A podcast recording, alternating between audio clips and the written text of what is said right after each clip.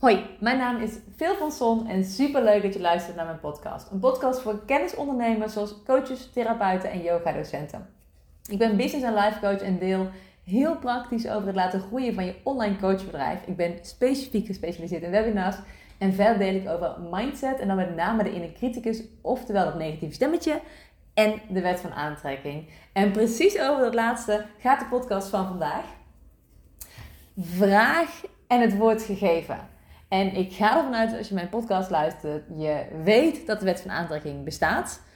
En dat je weet wat het is, dat het bestaat. En dat het altijd werkt, of jij dat nu wil of niet. Dus dat ga ik niet aan je uitleggen. Um, wil je wel die uitleg, dan raad ik je echt ten zeerste aan om het boek De Wet van Aantrekking te lezen. En wat ik wil doen, is dat ik wil in deze podcast twee verhalen met je delen. Want tips vergeet je. Maar verhalen onthoud je. dus op het moment dat ik nu tegen jou zou zeggen, uh, nou, het is uh, vraag het wordt gegeven, uh, datgene wat je wil, dat moet je dan het universum insturen. En nou, dan moet je daarna daar met een sterk verlangen op focussen, of met een sterk positief verlangen op focussen. En niet aan schaarste denken. En als dat niet lukt, dan denk je maar aan iets anders. Kijk, dit ga je gewoon, dit kun je niet eens navertellen waarschijnlijk, zeg maar. Dat is gewoon, je denkt, hè, wat, tips, stappen. Dat lukt gewoon niet. Maar ik ga twee verhalen met je delen. Uit mijn eigen leven. Onlangs, dat ik echt weer ja, eigenlijk oprecht een beetje weer stijl achterover was geslagen. Met dat ik ook een beetje moest lachen. Dat ik dacht, zie je wel, de wet van aantrekking werkt altijd. Daar hoef je niet over te twijfelen. En je mag er juist wat meer op vertrouwen. Dit is wat ik tegen mezelf zei. En het mooie van verhalen is dat je niet alleen onthoudt, zodat je het ook zelf meer en beter kan gaan toepassen. Maar ook dat je inzichten krijgt van, oh ja, op dit soort momenten kan ik ook om hulp vragen aan het universum. Weet je wel, verhalen, ik hou echt van verhalen. Ik ga echt heel goed op verhalen. Dus ik ga twee verhalen met je delen. Het eerste verhaal is van toen Imer en ik in Mexico waren. We hebben vier weken in Mexico gebackpackt. En dat was super tof. En na een week of tweeënhalf... Um, kijk, Imer is echt, laat ik dat even opstellen, mijn allerbeste vriend, mijn zielsverwant en mijn liefdespartner. En we hebben uh, ook echt wel wat andere uh, mensen ontmoet. Zo hebben we ook echt een hele leuke dag en avond gehad met uh, Mandy from, from, van Mama Love. Zeg ik dat goed? Mama Love? Volgens mij wel. Um, en we hebben dus ook los wat, wat, wat mensen ontmoet. Maar ik dacht eigenlijk op een gegeven moment na 2,5 week van... Oh, wat, wat zou ik het echt heel erg leuk vinden... om een Nederlands stel te ontmoeten... om gewoon even een paar dagen mee op te trekken. En dat hadden we in Sri Lanka hadden we dat ook. En in... Uh, is het denken in Bali in Kenia ook. Ik zie die mensen nu niet even voor de geest. Uh, oh ja, ja, ja, nu zie ik ze voor de geest, ja. Um, maar ja, dat, dat, vond ik gewoon, daar had ik gewoon even behoefte aan. Gewoon even gezellig. En ik merkte toen dat ik dus al een paar dagen daar in mijn gedachten een beetje, en ik schaam me een beetje om dit te vertellen, merk ik. Ik heb het tegen een, eh, een goede vriendin van mij, Kim Rietvink, verteld toen we gewoon privé lekker online digitaal aan het koffiedrinken waren. En dan is het heel intiem. Ehm, maar ik, het is eigenlijk wel heel interessant dat er een beetje een soort schaamte op zit of zo. Alsof ik Alsof het niet normaal zou zijn dat je het leuk vindt om met andere mensen iets te doen. Dat slaat natuurlijk drie keer helemaal nergens op. Dus ik ga er even doorheen en ik vertrouw erop dat er, dat er niks is om voor te schamen. En dat het juist heel erg mooi en herkenbaar is voor mensen als ik dit eventjes deel. Dus ik had het verlangen om een, leuk Nederlands stijl te leren kennen. Om gewoon een paar dagen een beetje mee op te trekken. Leuke dingen mee te doen. En gewoon kletsen en lachen. Dat zeg maar. En uh, ik was dus met, in mijn hoofd, in mijn gedachten, daar al een paar dagen best wel een beetje obsessief mee bezig. Dat is ook het stukje waar ik me een beetje voor schaam. Ik was er best wel een beetje obsessief mee bezig. Dat ik dacht, van ja, moet nu dan of zo. En, en, en waarom lukt het dan niet? En um, dat ik ook om me heen, ja, een beetje om me heen ging kijken soms. Met, met, niet soms, ik ging af en toe, ja, af en toe gewoon wel, nou, je zeg, hier, dit krijg je dus als je dus een onderwerp bespreekt dat je zelf een beetje lastig vindt. Maar dat is mooi, daar mag ik alleen maar doorheen. Dat ik dus merkte dat ik af en toe om me heen ging kijken van... Oh, en zijn er dan ook leuke stellen, zeg maar? Weet je wel, zijn die dan, zijn die er al? En, en ja, gewoon ermee bezig van... Oh, en, en ja, kunnen we daar dan, kan ik daar dan mee kennis maken of wat het einde van dit, deze zin dan ook is, zeg maar dat. Maar dat was er elke keer niet. En toen was ik op een gegeven moment, was ik samen met Ime, hadden we lekker gegeten in een heel leuk tentje. En er was leuke live muziek en we waren lekker aan het regenwormen. Dat is een spelletje wat echt heel erg leuk is. Moet je wel de uitbreiding hebben overigens, want die, dan maakt het echt helemaal af. Maar en toen merkte ik, het werd ik een beetje boos op mezelf. Dat ik dacht, potverdomme Phil, je bent hier. Vier weken in Mexico. Je zit hier op deze fantastische plek. Je hebt de beste tafel in het restaurant gemanifesteerd. Er was ook toevallig kwam die net vrij en de hele tent zat vol en wij hadden het tafeltje en ik had super lekker gegeten. En ik was lekker een cocktail aan het drinken. We waren lekker dat spelletje aan het doen. En het was zo perfect. En, en niet iedereen ja, kan zomaar op vier weken naar Mexico, weet je wel. Dus, dus get a grip, woman. Dat dacht ik heel even. Want ik was dus bezig met die obsessieve gedachten. En toen was ik er even klaar mee. Toen dacht ik, nu ben je daar een paar dagen mee bezig. Nu is het even klaar. Dus get a hold on yourself. Get a, get a hold on yourself. Dus ik ben even naar de wc gegaan. En toen ben ik daar gewoon even gaan staan. Ik vind de wc altijd zo fijn, want dan ben je gewoon heel even met jezelf in die vier muren. En dan is altijd overal een wc, dus je kan altijd. Ik ben gewoon even naar de wc gegaan. En toen dacht ik, je weet wat je moet doen. Dus dwing jezelf nu ook maar even om het te doen. Dus toen ben ik daar gaan staan en toen heb ik gewoon uh, hardop, wel gewoon een beetje op fluistertoon zeg maar, maar wel gewoon hardop uitgesproken wat mijn verlangen was. Dus ik zei gewoon, nou, universum, ik zou heel graag binnenkort hier in Mexico een leuk Nederlands stijl willen leren kennen. Om daar een aantal dagen mee op te trekken en leuke dingen mee te doen. Dus dat heb ik het universum ingestuurd. En toen wist ik ook, kijk, ik weet van mezelf. En dit, dit is denk ik ook bij meerdere mensen, want het kan niet toevallig alleen bij mij zo zijn een heel groot probleem. Dat we dan denken dat we over die situatie nu opeens vet positief moeten gaan denken. Nou, ik zal je vertellen. dat was helemaal geen mogelijkheid voor mij. Ik was daar zo obsessief mee bezig, in schaarste van het is er nu nog niet, dat ik daar niet opeens positief over kon denken. Dus wist ik, veel, dit is al vaker gebeurd, je weet wat je moet doen. Je gaat je gewoon op iets heel anders concentreren. Je gaat niet proberen jezelf te forceren over iets negatiefs opeens vet positief te denken. Je gaat gewoon er niet aan denken. Focus je maar op iets anders. Toen dacht ik, ja, dat ga ik doen. Ik heb het nu het universum ingestuurd. Ik vertrouw erop. Ik ben teruggegaan naar mijn tafel. En ik zat daar en ik dacht gewoon, potverdomme. Ik zit hier gewoon met de liefde van mijn leven. In dit fantastische tentje. Ik kan bestellen wat ik wil op de menukaart. En er zijn mensen lekker aan het dansen. En de muziek is leuk. En we hebben plezier samen ja, dit is gewoon fantastisch. En toen heb ik het echt, omdat ik zo bewust dat moment in die wc ook heb genomen, heb ik het echt van me af kunnen laten vallen.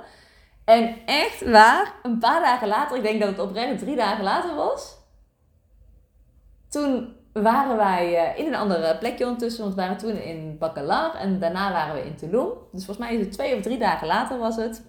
En ik heb het toen ook echt helemaal los kunnen laten. Ik was gewoon echt gefocust op hoeveel plezier ik had uh, met Imer en op de heerlijke reis in Mexico. En toen waren we dus twee, drie dagen later in Tulum. Toen waren we in een heel leuk uh, tentje. En toen gingen we, iedereen zat aan tafel. Maar op een gegeven moment bij het laatste liedje van het bandje ging iedereen een beetje naar voren toe om uh, nou, een beetje te dansen en te bewegen. Dus wij zeiden, oh kom, gaan we ook even lekker naar voren toe. En nou, toen was het liedje afgelopen. Ja, dan ga je niet opeens zo terug op je stoel zitten, weet je wel. Dus we bleven daar gewoon een beetje zo hangen. Op een gegeven moment gingen we echt heel veel mensen weg, want het bandje was afgelopen. Dus ja, we gaan meestal zo'n moment dat heel veel mensen naar huis gaan. Dus we bleven dan eigenlijk een beetje in het midden van die zaal staan. En twee mensen naast ons, die waren een kaartspel aan het doen. Dus ik keek eigenlijk gewoon een beetje op die tafel uit nieuwsgierigheid. Uh, van, hé, hey, wat voor, wat voor kaartspel zou dat zijn, weet je wel?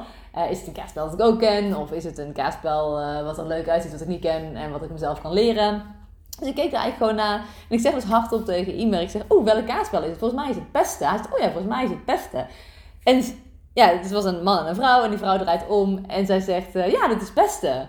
Dus toen waren ze Nederlands. En van nature, super natuurlijk, mega normaal, raakten we aan de praat.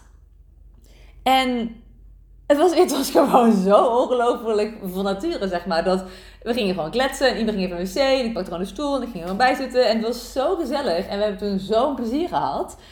Ehm, en we zijn daarna nog, toen dat tentje dicht ging, naar een andere tent geweest. Waar we nog verder gingen kletsen en dansen. En uh, wat super grappig is, ook een beetje gênant weer, maar ook super grappig is dat ik had ehm, net iets te veel gedronken.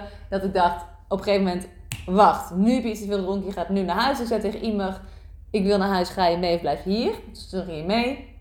En uh, toen de volgende ochtend, toen kon ik echt, en het is niet dat ik heb lopen coma zuipen of zo, maar ik had, echt dat ik, het is een beetje verkeerd gevallen ook, uh, maar dat ik bepaalde delen niet meer helemaal kon herinneren. En toen dacht ik nog, oh, dat was zo'n leuk Nederlands stel. Uh, wat jammer dat we geen contactgegevens hebben uitgewisseld. Um, wat, en toen dacht ik nog van, nou ja, ik weet, uh, ze hebben verteld wat ze ongeveer doen en hoe ze heten. Dus misschien kan ik ze wel vinden op Instagram en Facebook en gewoon even een leuk berichtje sturen.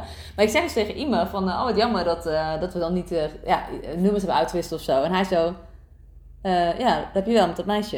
Ik zeg, huh? En ze kijken op mijn telefoon.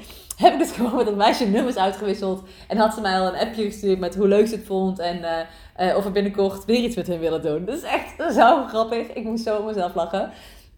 En toen hebben we dus een aantal dagen gezellig met hun opgetrokken. En wat het leukste was, is dat hun het nog liever wilden dan ons, zeg maar. Weet wel? Dus wij wilden het graag, maar, maar zij um, stelde het ook heel uit zichzelf voor en zo. Dus dat was zo'n lekker gevoel.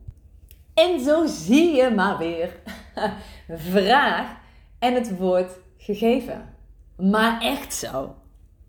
En soms moet je jezelf gewoon even een schop onder je kont geven en in de wc uh, gaan staan om nou, even jezelf uh, bij elkaar te rapen en gewoon, ja, het duurde echt, weet ik veel, 60 tot 90 seconden. En daarna, ik heb mijn verlangen uitgesproken, ik kon het loslaten, ik ging me op leuke dingen focussen. En voilà, twee, drie dagen later had ik wat ik wenste. Dus vraag en antwoord geven. En het andere voorbeeld wat ik met je wil delen, of verhaal wat ik met je wil delen, is echt een compleet ander verhaal. Maar het was zo magisch dat het me echt oprecht ook van de sokken heeft geblazen. En het is, uh, nou, ik heb je gewaarschuwd, het is echt, echt een compleet ander verhaal. Maar het is wel een heel, heel magisch verhaal. Ik heb een uh, paar dagen geleden uh, podcastaflevering nummer 24 opgenomen. Afscheid van een van de mooiste mensen op aarde heet die. En daarin vertel ik, nou, dat onlangs een, een vriendin van mij is overleden omdat ze zichzelf heeft laten euthaniseren omdat ze depressief was. Het is echt even heel erg emotieloos in een notendop. Dus luister vooral aflevering 24 als je denkt van... hé, hey, maar ja, hoe, hoe is dat dan gegaan, dat, dat afscheid voor jou? En um, ja, ik vertel ook over een, een, teken van het universum wat ik daarin heb gekregen. Of van het universum van Carlijn. Um, uh, met twee spelende eekhoorntjes en zo. Nou, dat, dat vertel ik helemaal daarin. En uh, ik voelde al een paar dagen heel, heel sterk dat ik daar een podcast over op wilde nemen. Niet over dat van zij is overleden dat, maar meer zij is, zij is overleden en mijn proces daarin en het afscheid en onze hechte vriendschap en nou, tekenen die ik daarna nog heb gekregen.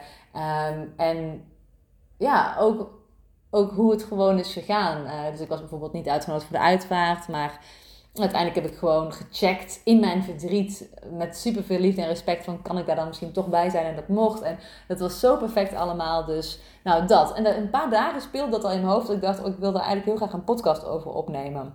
Het inspireert me namelijk altijd echt waanzinnig als, uh, als andere mensen um, waarvan ik de podcast luister, zoals Kim Munnekom, zoals Kim Rietvink, dat ja, ze ook die persoonlijke verhalen delen omdat daar altijd zo'n ongelooflijk ja, mooie inzichten en lessen uit voortkomen. En ik voelde gewoon echt heel sterk dat ik dat wat meer van mezelf mocht laten zien. Dat ik ook wat meer persoonlijkheid, wat meer kwetsbaarheid mocht laten zien. Maar echt een paar dagen voelde ik dus heel sterk dat ik daar een podcast over op wilde nemen.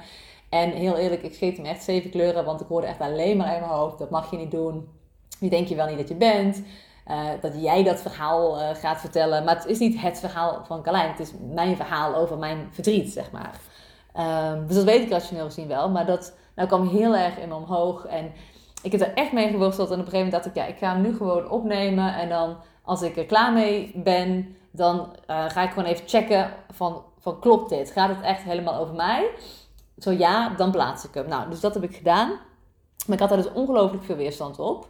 Uh, maar hey, weerstand betekent niet dat je niets moet doen. Ook al denk je echt, eh, dit moet ik echt niet doen, ah, dat. Maar weerstand betekent dat je het juist wel moet doen.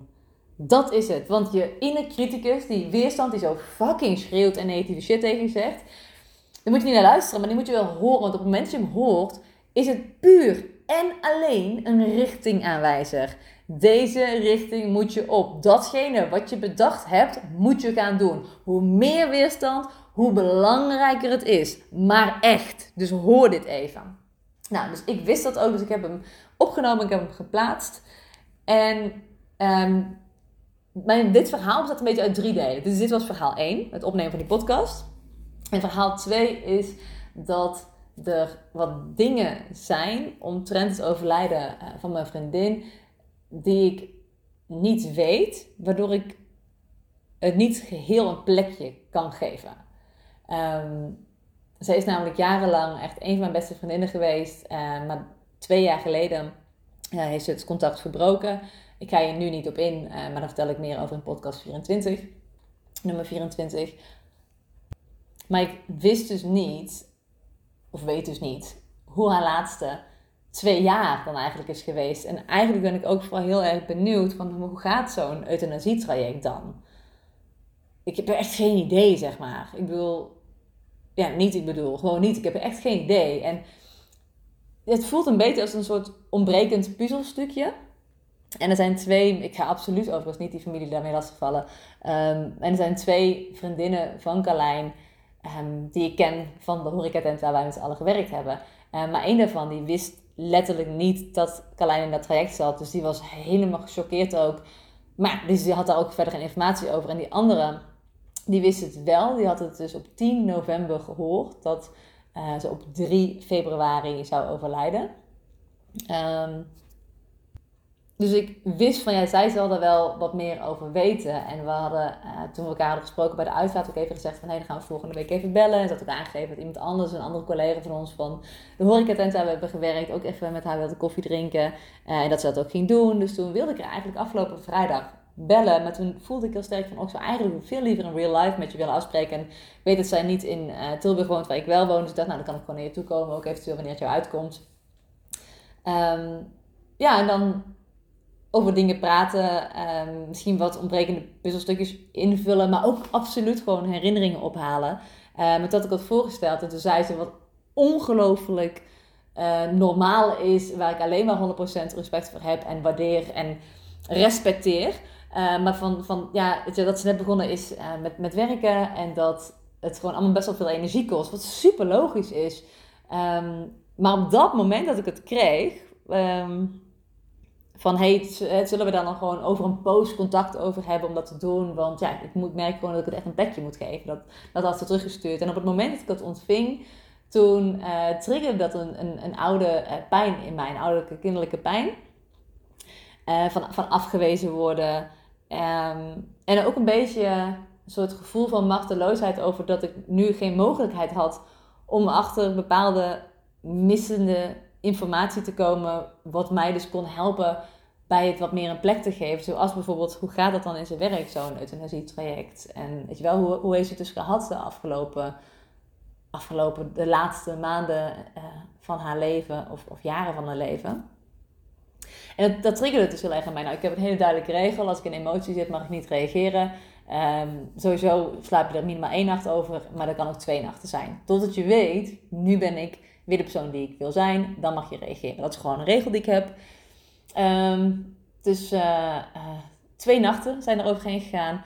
En opeens was ik weer de persoon die ik uh, wilde zijn. Ik heb dat, dat oud zeer een plekje weer gegeven. En dat komt vast nog een paar keer omhoog in mijn leven. Dat is heel erg logisch. Maar toen heb ik het even een plekje kunnen geven. En toen kon ik het zien vanaf de kant dat ik het wilde zien. Ik kon even uh, niet meer vanuit mijn egoïstische zelf kijken. Was ook niet nodig, is ook niet de persoon die ik ben.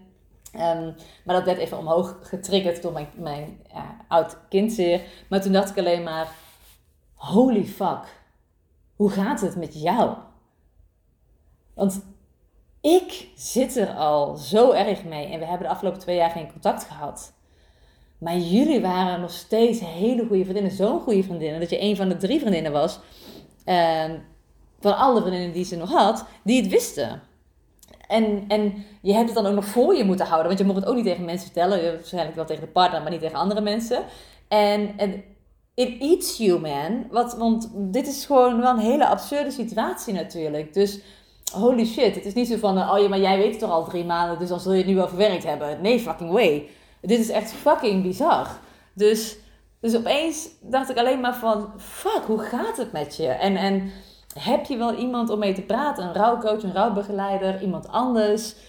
Is er iemand voor jou, weet je wel? En, en ja, als, als ik iets voor je kan doen, laat het me dan vooral weten. Dus toen heb ik ook vanuit liefde uh, ja, zo'n bericht teruggestuurd. Um, waar ze ook heel lief op reageerden. Maar wat er dus is veranderd, is dat um, mijn verlangen, wat ik wilde, was al heel erg duidelijk voor het universum dus ik heb mezelf misschien niet opgesloten in een wc-hokje, maar het was wel heel duidelijk dat ik dus heel graag wat meer informatie daarover wilde. En dat ik zo benieuwd was hoe dat dan gaat, zo'n euthanasietraject. Ik ontving alleen daar geen antwoord op, omdat ik dus heel erg bezig met, was met um, dat het niet mogelijk was. Van, oh ja, maar dan, dan moet ik die vriendin vragen en, en ja, een beetje lastig en dan vroeg ik het. En toen, nou, hè, dat had ik al aangevoeld, dat het toch uh, niet op dit moment uitkwam. Um, en toen was ik dus op dat negatieve gefocust. Maar toen heb ik het dus geswitcht. Uh, twee nachten ben ik teruggegaan naar wie ik werkelijk ben. Um, heb het van haar kant gezien en, en dat, dat brak me echt. Ik dacht, dit is zo, zo ongelooflijk heftig. Ik kan me gewoon niet voorstellen hoe dat moet zijn. En, en ik heb gewoon heel veel liefde gegeven. En dat was dus de switch. Dan komt nu deel 3 van dit verhaal. En dan zul je zien hoe deel 1, 2 en 3 met elkaar verweven, verwoven is. En het heeft mij echt van mijn sokken geblazen. Um, opeens kreeg ik op Instagram een DM van iemand die ik uh, niet ken. Uh, met dat ze mijn podcast had geluisterd. Podcastaflevering nummer 24, afscheid van een van de mooiste personen op aarde. En ze reageerde puur inhoudelijk op de podcast over uh, dat ze me heel veel sterkte wenste. En ze reageerde ook op het verhaal van de eekhoorntjes die ik had gedeeld. En ze reageerde daar gewoon op. En ze zei ook, dat vond ik wel heel interessant. Ze zei, ja, een paar maanden geleden zag ik je opeens voorbij komen op Instagram. En dat ze toen dacht van, hé, hey, het is toch een vriendin van Carlijn? En toen zei ze, ja, nu zag ik opeens weer voorbij komen. Het zal wel algoritme zijn. Um, en dat ze toen mijn story zag. En ik heb die podcast opgenomen, die nummer 24. En ik heb dat nergens gedeeld. Dus ik heb daar geen nieuwsbrief over gestuurd. Ik heb dat nee, geen post over geschreven. Ik heb alleen maar in een story benoemd dat ik die had opgenomen. opgenomen. Dat was het. En zij heeft toevallig die story gekeken, is toen die podcast gaan beluisteren en heeft me toen een berichtje gestuurd. Um, en zij zegt het is algoritme. Ik denk universum, wet van aantrekking en ook Carlijn, die nog als lichtje voortleeft. Maar toen ging ik dus uh, op haar profiel kijken, want ik dacht, oh, maar wie, wie is ze dan? Want ze zegt van, uh, ook een vriendin van Carlijn. Dus ik dacht, oh wie is ze dan? En toen keek ik en toen scrollde ik even door de foto's heen. En toen stopte echt oprecht mijn hart eventjes. Want dat bleek. Op de uitvaart uh, hebben natuurlijk de ouders van Carlijn gesproken, maar ook twee vriendinnen. Dus de ene vriendin, waar ik het net over had, die ga ik niet bij naam noemen, dus daarom is het misschien een beetje warrig. Maar waar ik het net over had, die hè, het wist vanaf november en dat nu zelf even een plekje aan het geven is. En nog iemand anders die ik niet kende, nog nooit eerder had gezien. Um, of in ieder geval, niet dat ik me kan herinneren. En ik weet nog dat um, Cynthia, die ook op de uitvaart was, die ik ook ken van de horecagelegenheid met wie ik heb gewerkt, die vroeg later ook nog een keertje aan mij van, goh, weet jij wie dat was? Die dan naast die andere vriendin stond. Die ze met z'n tweeën hadden om de beurt iets, iets moois verteld over Carlijn. Uh, en toen zei ik ook van, van, oh die ken ik ook niet. Maar daarop wist ik dus dat zij haar ook niet kende. En toen keek ik dus op het profiel en toen was zij het dus. En ik zag toen ook op het profiel een hele mooie foto van haar en, van, van haar en Carlijn samen. Dat ze Carlijn een kus op de wang gaf. Dus toen, nou, toen smolt mijn hart ook helemaal. En toen schrok ik ook heel even, want daarna zag ik een tekstje. En toen dacht ik, wow, dit tekstje, dit, dit, komt zo bekend voor. Waar is dit tekstje van? En toen dacht ik opeens... En toen keek ik dat, nee, ze heeft het zelf geschreven. Want haar uh, uh, naam stond erbij. En toen dacht ik, oh, dat, dat is het tekstje van het bitprentje. Dus na de uitvaart kregen we een bitprentje. En dat is het tekstje wat erop staat. Uh, en toen dacht ik, wow, maar dat heeft dus zij geschreven ook. En um, toen zijn we nou, in de DM uh, aan de praat geraakt. En toen, ja, toen hebben we, ik hoef dat niet per se heel erg, ik ga er niet in detail vertellen, maar toen zijn we aan de praat geraakt. En toen heeft ze mij dus verteld ja, hoe een euthanasietraject in zijn werk gaat. Zodat ik ja, nu gewoon eigenlijk de ontbrekende informatie had. En ik probeer heel erg om niet te huilen. Dat ik nu gewoon een beetje de ontbrekende informatie heb. Zodat ik het gewoon wat meer een plekje kan geven. En weer vraag en het wordt gegeven. En ik had al gezegd, het is een heel ander voorbeeld dan het eerste voorbeeld. Want het eerste voorbeeld is wel een beetje grappig of zo. Maar dit is, ja, niet grappig, maar wel fucking magisch. Um, want hoe bizar, hoe bizar dat, dat, dat ik dan vol weerstand zit, maar toch die podcast opneem, er één story over opneem. Iemand die toevallig mij bij uh, ontdekken op Instagram voorbij ziet komen, dan een story bekijkt, de podcast luistert, me dan een berichtje stuurt en dat dan precies de persoon is die op de uitvaart heeft gesproken. En die ook precies een van die drie mensen is die het dus al wist van tevoren, dus ook wist hoe het traject is gegaan. En dan ook nog, ja, ook nog uh, nu die informatie met mij wilde delen. Dus dat is, ik vind het zo ongelooflijk magisch. Dus echt weer vraag en het wordt gegeven. Dus of je het nu hardop zegt terwijl je in de wc staat, of dat je het eigenlijk gewoon in je gedachten zegt, van hè, ik, ik, zou zo graag willen weten hoe dit en dit en dit. En, en, en laat de hoe dan los. Want ik dacht in eerste instantie, oh, het moet dan per se via die persoon komen, uh, die dan nu ja, daar niet voor open staat, omdat ze gewoon eerst zelf een plekje wil geven. Uh, maar dat, ik moet gewoon me helemaal niet bezighouden met de hoe. ik hoef me alleen maar bezig te houden met uh, hey, wat zou ik graag willen? Dat verlangen, het universum insturen en vervolgens vanuit liefde verder leven. En dan komt het naar me toe. En zo werkt het bij jou ook. Zo werkt de wet van aantrekking. En het eerste verhaal wat ik met je deelde was natuurlijk een verhaal over toen ik in Mexico was. En een van de dingen die ik heb gedaan voordat ik naar Mexico ging, wat ik nog nooit eerder had gedaan en wat ik wel echt heel erg leuk vond, is dat ik toen, en ik heb echt wel 8,5 jaar mijn eigen bedrijf, maar ik had het dus oprecht nog nooit gedaan, is dat ik twee coachgesprekken gratis heb weggegeven. En dat vond ik echt heel erg leuk om te doen. Ik had er zelfs uiteindelijk uh, meer weggegeven dan twee, omdat ik het gewoon zo leuk vond. Uh, ik vind het gewoon heel erg leuk om met mensen mee te denken namelijk. En nu heb ik besloten dat ik het nog een keer ga doen. Dus ik ga nog een keertje twee coachgesprekken weggeven. En het coachgesprek wat je kan winnen is specifiek voor coaches die al weten wie ze willen helpen. Met wat ze deze mensen helpen. En op welke manier ze deze mensen helpen. Dus ik help je niet met het bedenken van een bedrijfsidee of zo. Dat is echt niet mijn zoon of genius.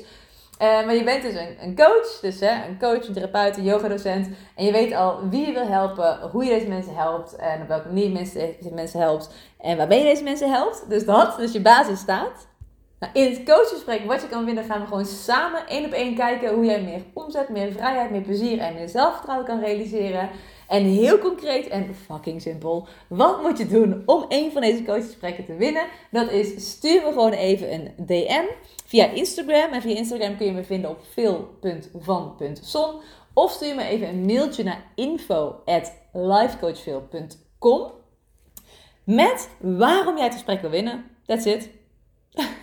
dus ik uh, ben heel erg benieuwd. Ik hoop van je te horen. Het lijkt me namelijk heel erg leuk om met je mee te mogen denken.